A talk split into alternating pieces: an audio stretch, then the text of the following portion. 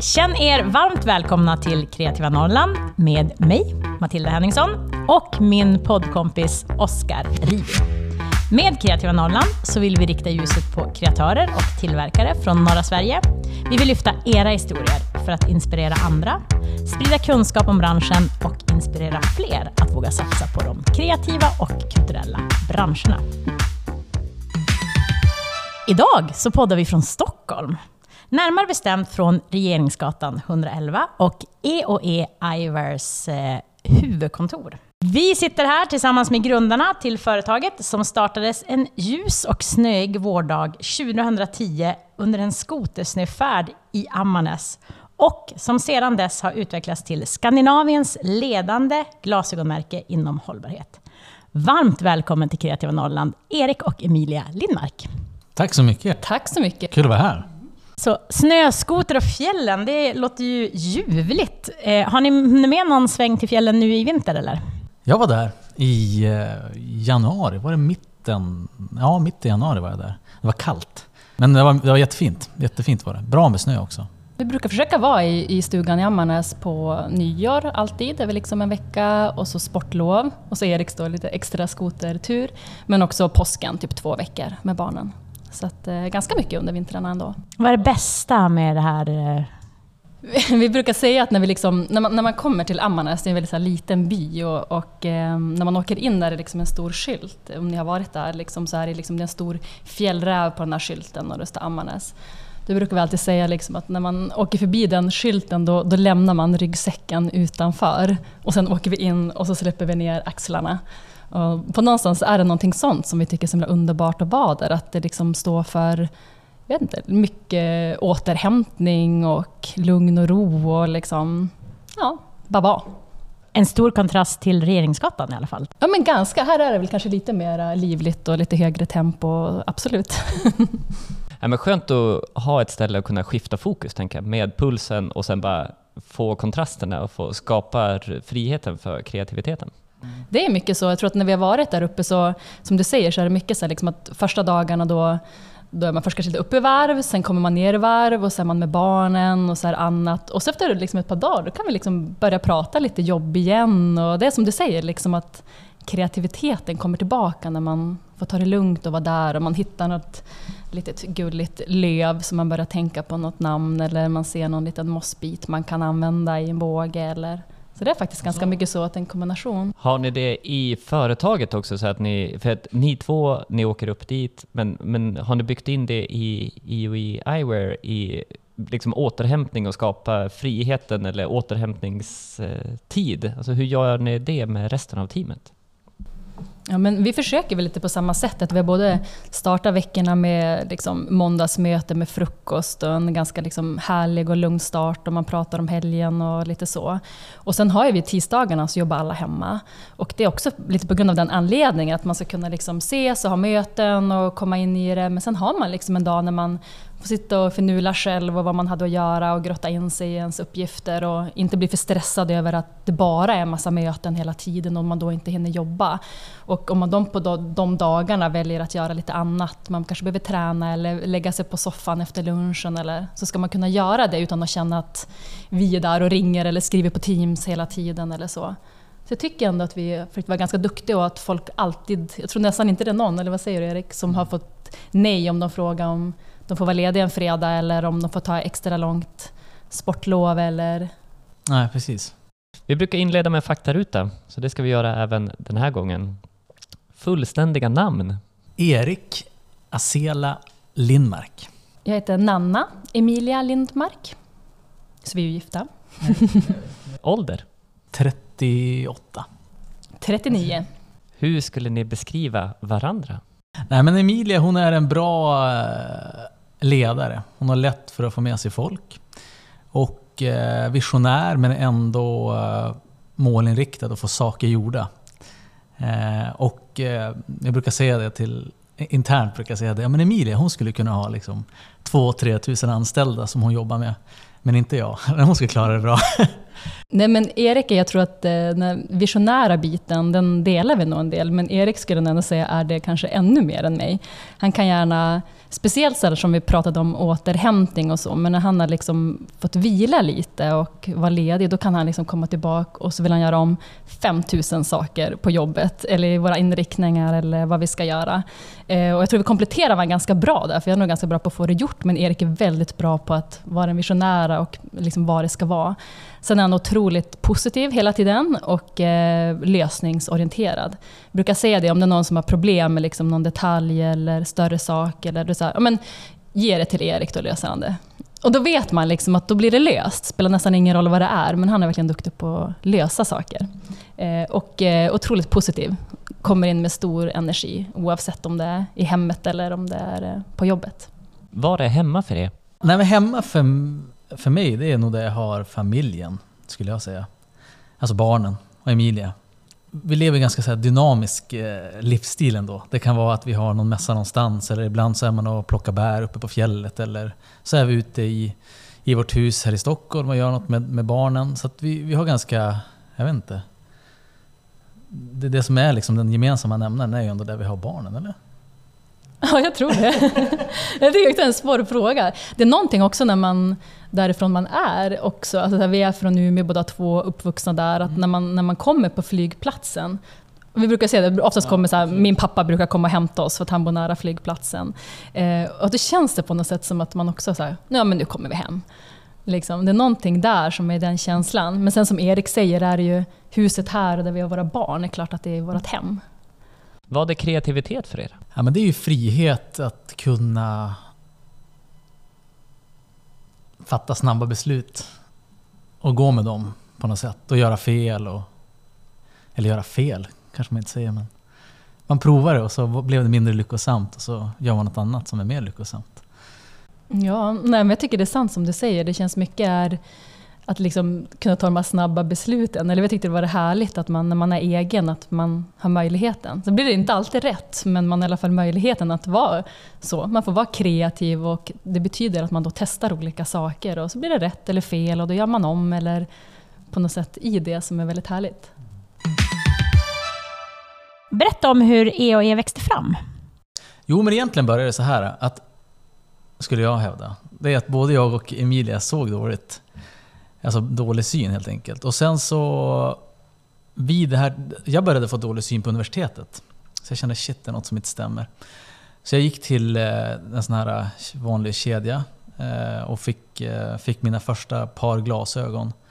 Och känslan där, som jag brukar återberätta, var mer som ett så här McDonalds-köp. Det var liksom snabbt ut, snabbt in i det här, eller snabbt in i det här undersökningsrummet.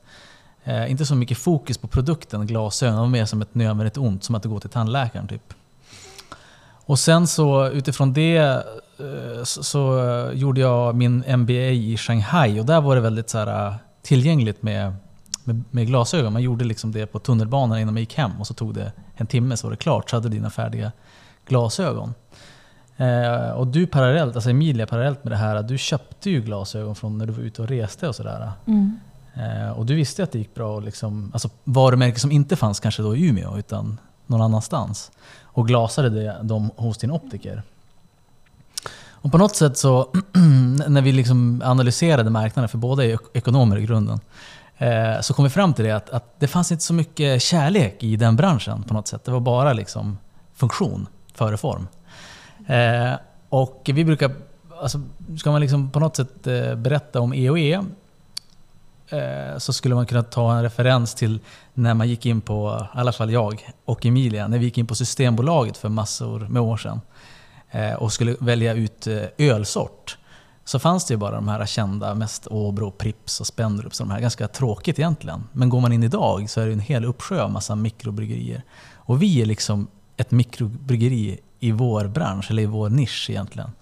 Så det skulle jag säga är liksom våran, det, det, är väl, det är väl det vi gör så att säga. Och det är väl det vi bygger mycket av vår identitet på skulle jag säga. Men det var så det startade, att vi båda såg dåligt. Och att vi såg ett glapp i att det inte fanns ett mikrobryggeri inom glasögonbranschen. Men och också att vi, så här, vi höll ju på med entreprenörskap eh, i olika grupperingar liksom, på sidan av studierna. Men jag tycker också att det var liksom en, eh, liksom en, ett sug av att vara med varandra ganska mycket också egentligen. Tror att det blev den kombinationen att det var där någon gång vi också liksom träffades och blev kära. Och då tror jag EOE liksom i början var också lite anledning till att vi kunde ses mycket och umgås mycket och så blev det liksom två flugor i en smäll sen. Ja. Det tror jag också hade ganska Ja, mycket mer att göra. Så det var kul och det är härligt också. Jag tror ändå på någonstans att alltså ska man starta någonting, entreprenör eller driva, det är väldigt härligt att driva det tillsammans med någon. Att ha någon att bolla med, någon att ta beslut med. Och är det då någon där man känner att man fungerar bra så är det väl klart att det, det gör det hela väldigt mycket lättare än om man startar med någon som man inte känner eller egentligen inte tycker så mycket om, men man gör det för att man tror att det här ska bli en kanonaffärsidé. Då kanske det blir lite tuffare eftersom när alla de här liksom stora liksom bråken och vägarna man ska ta kommer fram. Så det är en kärlekshistoria. Ja, Ja, en liten mix kanske. liten mix, Ja. ja. Men hur ser det ut om man tittar på glasögonmarknaden idag? Har det förändrats? Absolut. Det har ju kommit eh, ganska många, vad ska man säga, varumärken inom, ja men mest kanske solglasögon skulle jag säga. Eh, det har blivit liksom mer tillgängligt på något sätt. Alltså, och, och det är ju bra för det skapar liksom en, en, en bredare palett kanske för, ja men som vi själva var när vi startade, studenter eller ungdomar och liksom, och, och liksom, ja, uppåt i åldrarna såklart. Ehm, så den har ju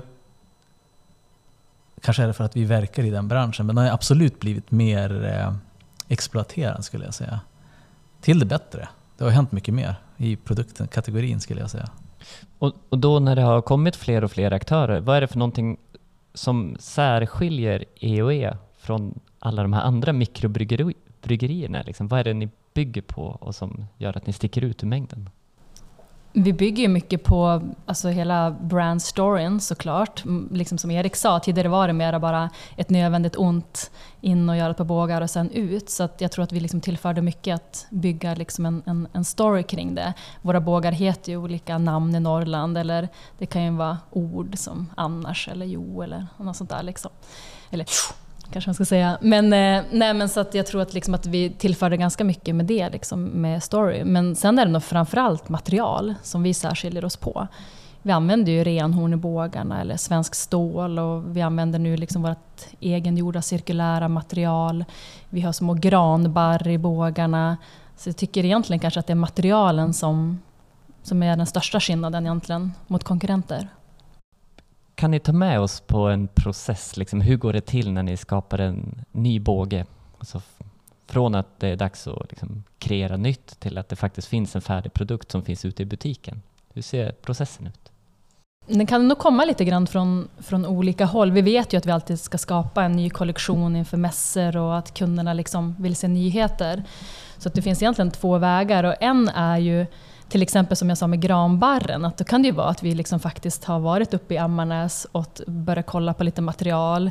Och som jag sa, fått vila lite grann och blivit lite kreativa och kommit på att men kan vi inte testa ha lite granbar i bågen. Så det kan liksom vara en väg. Men sen så finns det en annan väg som är, vi har ju två designers som jobbar hos oss.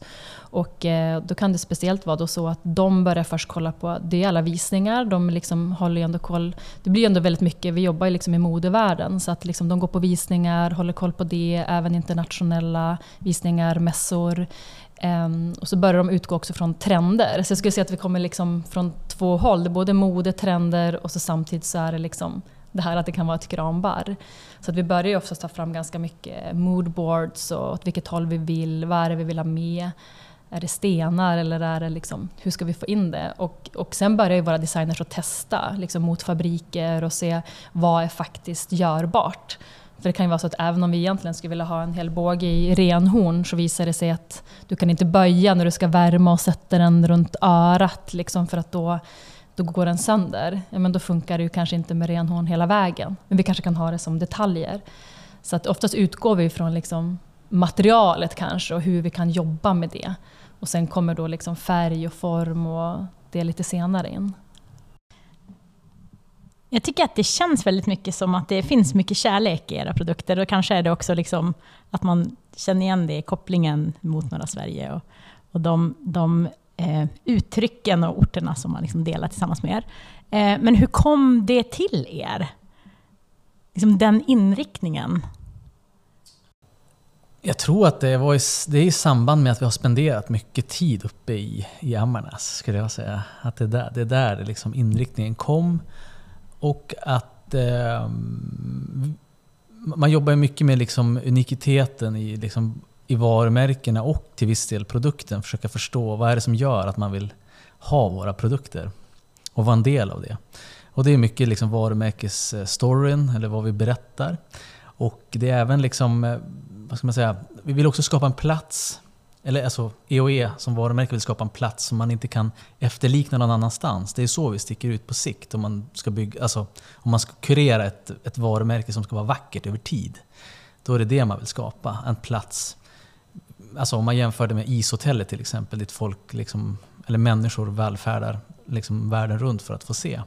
Och på samma sätt är det väl det vi vill eh, förkroppsliga i våra produkter. Och därför så har vi tagit den inriktningen skulle jag tro. Mm. Och kanske också för att vi inte bor kvar liksom i Norrland själva, att det blir någon typ av, typ av romantisering, att vi gärna vill ha de här liksom orterna som vi kanske har varit på eller som vi tycker om. Eller, men typ som nu har vi en ny båge som ska få heta Börs. Till exempel. För att så här, vi säger börs varje dag såklart, medan många här på kontoret som inte är från Norrland inte alls förstår. Och bara, hur kan ni inte säga plånbok? Vad menar ni? Alltså, och det är ganska på något sätt så härligt för oss att få sätta börs på en båge. Liksom. Så det kanske finns någon så romantisering som vi, liksom, vi vill liksom finnas kvar i Norrland fast vi inte bor där. Nu har ju ni jobbat så länge med liksom det som en väldigt, väldigt röd tråd genom er eh, affärsidé, så jag tänker att nu känner väl liksom era kunder igen sig i det. Men initialt så måste det ju ändå ha varit på något vis lite av en utmaning när man ska vända sig utanför norra Sverige och liksom gå internationellt också. Ja, absolut. Alltså vi, jag minns första gången vi presenterade idén. Det var ju när vi... Eh, ska jag säga det här eller? Ja, jag gör det. ja, men vi, skulle in på en, vi skulle in på en inkubator i Umeå och skulle liksom pitcha vår idé. Och då, då var det för deras, ehm, ja, jag vet inte vad man säger, någon styrelse eller sådär. Och då var det en som sa, liksom räckte upp handen och sa men vad har, vad har glasögon med Norrland att göra? och och då kände vi så här, ja men det är det vi ska visa er. Så, så det är klart att det har varit, det har varit svårt liksom i början att se. Just det, och även med när vi gick till banken i, i Umeå, då var det så här, men man, man visste liksom inte hur ska du sätta upp liksom en verksamhet rent finansiellt. Alltså hur, vad behöver du för medel? Hur ska du jobba? Är det en checkkredit eller ett lån? Eller ska man gå in med egna pengar? Eller ska man försälja först för att sen producera? det känns som att eh, den känslan vi fick då var att man, inte, man kanske inte är van så mycket detaljhandelsbolag där uppe. Utan det är mer liksom bygg och den typen av verksamheter. Då, då förstår man modellen och hur man ska applicera liksom rätt verktyg. Så det är klart att det har varit en utmaning och liksom svårt stundtals liksom att försöka bryta sig igenom det och göra något nytt. Ehm. Men jag kommer ihåg också att vi hade, det var någon gång vi hade någon som med typ en liten workshop med lite olika personer i Umeå. På tal om det här liksom bra personer i Umeå. Och då kommer jag ihåg att vi var lite på väg att spåra ut med namnen. Att först hette de liksom alla så norrländska orter och så. Och så började vi ha några solglasögon som hette Båsta och något sånt där ett tag. Och då var det, vad heter han, Johan heter han? Nylund. Johan Nylund som jobbar på ett Norrmejeri då, som var såhär, nej men ni kan ju inte gå utanför Norrland, vad håller ni på med? Liksom. Han var en sån där som hade någon sån bra input. Liksom. Så jag tror det var ganska bra att vi fick lite, eh, lite hjälp där att verkligen så här, hålla oss på den väg vi hade börjat. Att så här, vi kan faktiskt ha de här norrländska namnen. Och det är inte liksom, behöver inte vara konstigt bara för att man bor i Malmö och köpa en båge som heter Jukkasjärvi. Men upplever ni idag att det är nästan en del av det exotiska liksom när ni går ut? För ni är ju väldigt duktiga på, på, på berättandet runt om det, vad det är för någonting. Eh, att det blir som en del av någonting exotiskt. Ja, jag ska säga precis. Det blir liksom, eh, ju, ju längre bort från hem, eller vad man säger, vi kommer, desto bättre blir det. Det blir liksom mer eh, exotiskt så att säga. Alltså varje ny marknad, om det är Tyskland eller Holland eller vad det än må vara. Ja, det är lättare med Tyskland än Malmö till exempel. Ja. ja det, är, alltså det är stor skillnad, liksom, absolut. Så är det ju. Nu har ni ju drivit företaget i 13 år. Vad, vad är det för någonting som... Herregud. Måste göra någonting annat. ja, ja, det är så. Men, och, det, och, det, tar ju en eh, bra tid att bygga upp ett varumärke, så att jag tänker att nu har ni verkligen liksom kunnat etablera er på marknaden eh, och liksom personer i branschen vet vilka IOI Eyewear är. Hur motiverar ni er liksom för att fortsätta eh, framåt? Liksom? Finns det någonting som inspirerar er eller som motiverar er framåt? Alltså vi har jobbat jättemycket med eh, hållbarhet. Det har liksom varit i vårt DNA, kanske också för vi är uppifrån, men vi var jättetidiga på att jobba med såna här eh, ekoacetat, när man tar bort miljögifter ur bågarna. Man tar bort eftalater och så. Och eh, jag tror det har liksom varit vårt sätt att alltid liksom utvecklas, att det känns som att det blivit någonting nytt hela tiden. Det är att vi har utvecklat material. Mm. Och det är det största vi har jobbat med de senaste åren, det är att vi har börjat jobba med en cirkulär process där vi kan ta alla gamla glasögon som våra kunder kommer med, eller det kan vara från andra optiker eller andra varumärken. Och så kan vi samla in alla de här gamla glasögonen och så har vi liksom en innovation som gör att vi kan mala ner och processa det och skapa ett nytt material, som ett cirkulärt material. Och det har vi patent på och är de enda i världen som gör. Och det tror jag har varit en sån grej som så här, då har vi fått så utvecklas, vi har fått gå vidare. Det har inte bara varit samma en kollektion per halvår utan det har liksom varit ett sätt för oss att utveckla vår bransch och vårt brand. Wow! Ja, och, och jag tror mycket liksom... Och att vi har behållit eh, ägandet i bolaget själva just för att kunna prioritera. Vad är det som är viktigt för oss nu? Liksom? Hur vill vi ta det här steget framåt? Istället för att det blir... Lätt kan det bli att det kommer någon kollektion som heter något annat, Båstad eller något. Och så, bara för att sälja, för att få snabba siffror. Men det är inte det vi vill bygga, utan vi vill, liksom, vill skapa något över tid. Som, eh, och det känns ju så med, med, med, Norrland också. De bästa sakerna tar ju tid alltså, att göra. Om det är att tälja eller sticka eller ta en fjällvandring någonstans. Så är det liksom tiden som är liksom det magiska. Emilia, du kommer in på det här med det cirkulariteten och, och Eh, den här produkten som ni kallar för Regrind.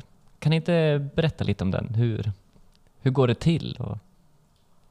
Det, det började egentligen så att vi var runt och besökte massa av våra kunder. Och då i, stund, alltså i stunder så var det så att när vi hade lägre försäljning, alltså glasögon är en sån där produkt som kanske man inte rear ut på samma sätt och man köper inte julklapp till någon utan du har, du har dina lugna perioder, vilket är liksom bra.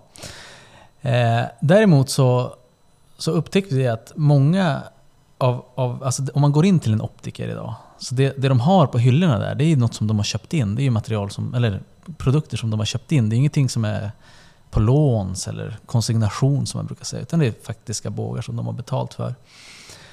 Och då kan det vara så att de, eh, de är ganska måna om att få de här sålda, alltså till rätt pris och i rätt tid. Det får ta ganska lång tid innan det liksom säljer ut. Men utmaningen där är att du får en inkurans. Alltså att eh, om du har, eh, inte vet jag, tusen bågar i din butik så kanske 20% är från 2015 säger vi. Men vad ska du göra med dem då? Man vill kanske inte skriva av dem heller utan man kanske ändå hittar den där kunden som vill ha de här bågarna. Men så är det ju inte alltid. Eh, och då istället för att, och, och även då, då, kände vi det att men hur kan vi skapa något som, för här finns det ju ett material. Varför ska vi liksom kreera och skapa produkter från liksom ett jungfruligt material som måste liksom tas någonstans ifrån. Eh, när det redan finns liksom här en, en, liksom en, eh, vad ska man säga, en produktgruva fullt med material som vi bara kan ta och använda och göra något nytt av. Eh, så då började vi fundera kring hur kan vi liksom skapa en cirkulär process.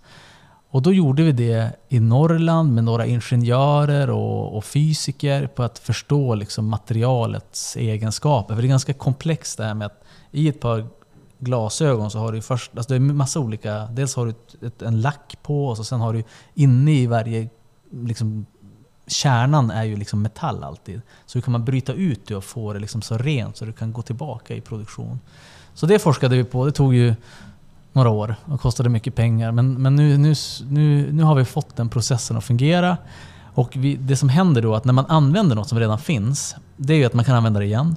Men också att man sänker koldioxidutsläppen väldigt mycket. Och det, när vi har en helt optimerad eh, vad ska man säga, eh, produktionskapacitet så kommer vi sänka utsläppen med upp till 85% om man jämför med en, ett par vanliga liksom, traditionellt producerade glasögonbågar. Så det blir ganska mycket eh, som man kan spara och använda istället för att bara slänga det eller bränna upp det eller vad man nu gör. Så det var väl... Ja, det var så det började. Och vi, nu lever, alltså, nu är ju liksom tanken att vi, vi ska... Vi, vi vill ju inte att hållbarhet ska vara eh, förknippat eh, liksom, som någon typ av ensamrätt som vi håller på. Eller som, utan för att få effekt så vill vi liksom ge det här till andra, alltså våra konkurrenter eller kollegor eller eh, ja, you name it. Alltså för att använda den här, det här materialet eftersom det är så pass bra så att det kan bli en ny produkt helt enkelt. Ja, ibland har det nästan varit så svårt om man hör av sig till något internationellt stort företag som gör glasögon och så säger man att vi kan ta tillbaka alla era gamla glasögon och göra dem till nya. Så är det nästan som att de inte förstår, de tror inte att det är sant. För det är en så pass liksom, liksom unik innovation att man tänker att det är ingen som kan göra det. För det finns andra som har försökt, kanske i branschen eller så. Så att vi har nästan haft liksom det som utmaning, att få liksom andra i branschen att förstå hur fantastiskt det egentligen är. Jag fastnar fortfarande på, som du beskriver Erik, att det är så många olika typer av material i en båge. Hur det alltså, praktiskt går till. Liksom, är det liksom en så här, manuell eh, så här, deassembling och sen så bara da-da-da-da? Eller nej? Nej, man, man stoppar ner det liksom i en, i en, eh, vad ska man säga, som en kvarn kan man säga. Och så sen så har vi byggt, har vi byggt liksom, eh, den på ett speciellt sätt som gör att den, man får speciella, vad ska man säga, bryt. Alltså i materialet som gör att det bara ramlar av. Så att på ena sidan hamnar liksom metall och på andra sidan hamnar det liksom plast eller acetat som vi kallar det. Så det är så det går till. Så det är lite, ja det är häftigt. Det är ingenjörskonst. Ja, ja, det, Mm, det är ja det, är, det, är det. Det är kul att ha en eh, riktig maskin att titta på. Ja, jo, men det är det faktiskt. Och nu vill vi bara skala den. Det är väl det som är nästa steg. Att komma ut och utbilda folk och liksom, eller utbilda våran bransch i att det, det, det går att göra nytta och det går att bli lika bra. För det, det, det fina med det är att det, det slår ju in i alla... Alltså återigen, så här, man kan ju också sitta... Alltså det är väl liksom entreprenörens utmaning. Man sitter och innoverar i sin kammare och sen frågar man om kunden vill ha det. Och så kommer de fram till att nej, men det vill de ju inte. Men det fina med det här är att liksom, kunderna vill ha det, för man vill liksom kunna bidra till en bättre miljö. Eh, och man vill också kunna säkra, alltså vi som producent av glasögon vill ju kunna säkra vårt materialflöde. Speciellt i den här tiden av liksom geopolitiska förändringar som sker i vårt närområde så vill man ju också ha kontroll på sin vad ska man säga, supply chain. Och det får du ju här när du har materialet nära till hands. Oavsett vem du är i värdekedjan, om du är en, en eh, glasögonkedja eller en, en fristående optiker eller en glasögonproducent som vi är. Eh, och det fina är också att man kan använda material som redan är avskrivet i balansräkningen. Så det gör ju något som du tar som är avskrivet och så bygger du in värde i det igen. Upcycling kallar vi det för. Så praktiskt nu då, hur mycket utav era egna glasögon använder ni det här nya materialet till? Eh, finns det andra som liksom har börjat använda ert material och kan man använda det till andra saker än glasögon?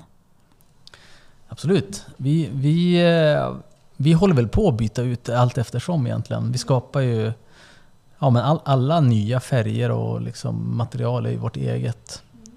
Ehm, och sen har vi ju, ja men eh, Synsam använder ju vårt material. Och så har vi ju en jättestor tysk kedja. Och så kommer det en jättestor holländsk kedja. Och så har vi massor med varumärk, varumärken som ska liksom jacka in på det här nu. Så vi, har, vi måste liksom... Ser ni framför er att ni i framtiden blir mer av en, eh, av en materialleverantör än ett glasögonföretag? Vi tänker nog att det kan vara två olika ben egentligen, eller två olika företag. Vi får ju se, men, men jag tror att vi har... Vi älskar ju EOE, e, liksom. det är liksom, som det, det är liksom våran, våra tredje barn. Och eh, vi har ju också en butik här på Mäster Samuelsgatan och vi gillar ju liksom visa upp Norrland via, via det märket och tänker väl att det är någonting som kanske våra barn kan få ärva och så. Medan Regrind är nog mer ja, men det här materialet, att vi skulle kunna få liksom istället få, ja, men vi har en vision om att få bygga en fabrik i Norrland och börja producera där och hjälpa andra. Men att de liksom inte, den ena behöver inte ta ut den andra egentligen, utan de hjälps åt. Men att vi ska kunna göra båda grejerna. Och, och det här är ju, för att återkoppla till din fråga också, det här är ju ett material som du kan använda i andra produktkategorier. Det skulle kunna vara i Volvos alla bilar, när du tänker de här vad heter det, solskydden eller det här handtaget som, jag vet inte, använder man det nu för tiden? Här som man... Definitivt. Är mycket så här, det kan ju vara bord, som, alltså acetat används faktiskt ganska mycket. Så att, ehm, Det, det är ett material som växer, alltså efterfrågan på det materialet växer med nästan 10% per år alltså i, i, i världen. Alltså för att man, det är så bra, det, är alltså det går att göra cirkulärt, det är bra för miljön och det går att använda till massa olika saker. Vad är acetat? Det är liksom från träpulpa och bomull egentligen. Som, som man... Eh, vad ska man säga? Det är ju pulverform, man smälter ihop det och så blir det... Ja, så blir, det upplevs det som en plast egentligen, men det är ju... Alltså från, vad säger man, naturen. Så det är inget liksom, det är ingen, eh, vad ska man säga, du tillsätter inget eh, farligt i den. Alltså. Precis, men det är mer så liksom att du måste ändå ha kanske ja, men mjukgörare och så. Som jag var inne på också, att det, du kan välja att göra det kanske med till exempel ef- eftalater eller petroleum eller så också. Liksom. Men i grund och botten är det ett ganska bra material, det är det. Men som sagt, det går ju ändå att göra väldigt mycket bättre. Som ni var inne på, ni är båda utbildade ekonomer.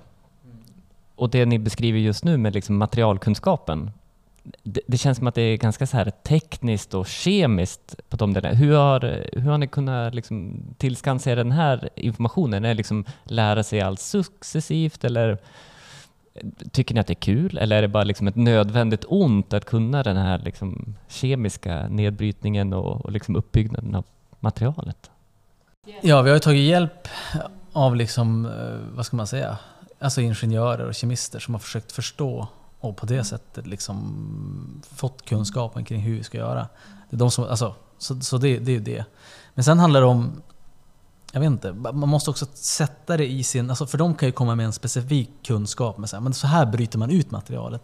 Men de har ingen aning, vad ska du använda det med sen då? Alltså, eh, så där kommer vi in, att vi kan... För oss har det varit viktigt från grunden när man startar ett sånt här projekt, att syftet ska ju vara att du kan, du kan ju återanvända det igen. Och det är då magin uppstår. Liksom att det blir en designfråga, det blir en, det blir en efterfrågan som, som liksom skapas utav designers som sitter och ritar på något eller eh, en inköpare som vill ha det här.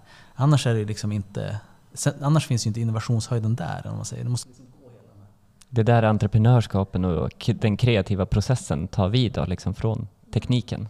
Och för, så försöker vi göra också att det ska vara massa olika färger och vi har ju liksom en av våra designers sitter ju och liksom skapar de här liksom materialet. Vad kan vi göra? Så får vi in jättemycket blå bågar säger vi från någon. Då kan vi göra ett material som är spräckligt med ganska mycket blått i och då kanske hon kan utgå från vad är trenden just nu? Ska det vara stora blåa sjok eller ska jag lägga in lite ljusblått? Och liksom, men förstår det så? Så liksom vi kan ju använda det till att bli en liksom material som sen en designer som sitter på Balenciaga kanske vill använda för just då i deras modebild så ska det in mycket blått. Så vi får liksom en möjlighet att kunna sälja internationellt materialet utefter vad vi får in för någonting och färger och liksom få in den biten lite grann i en ganska traditionell materialbransch.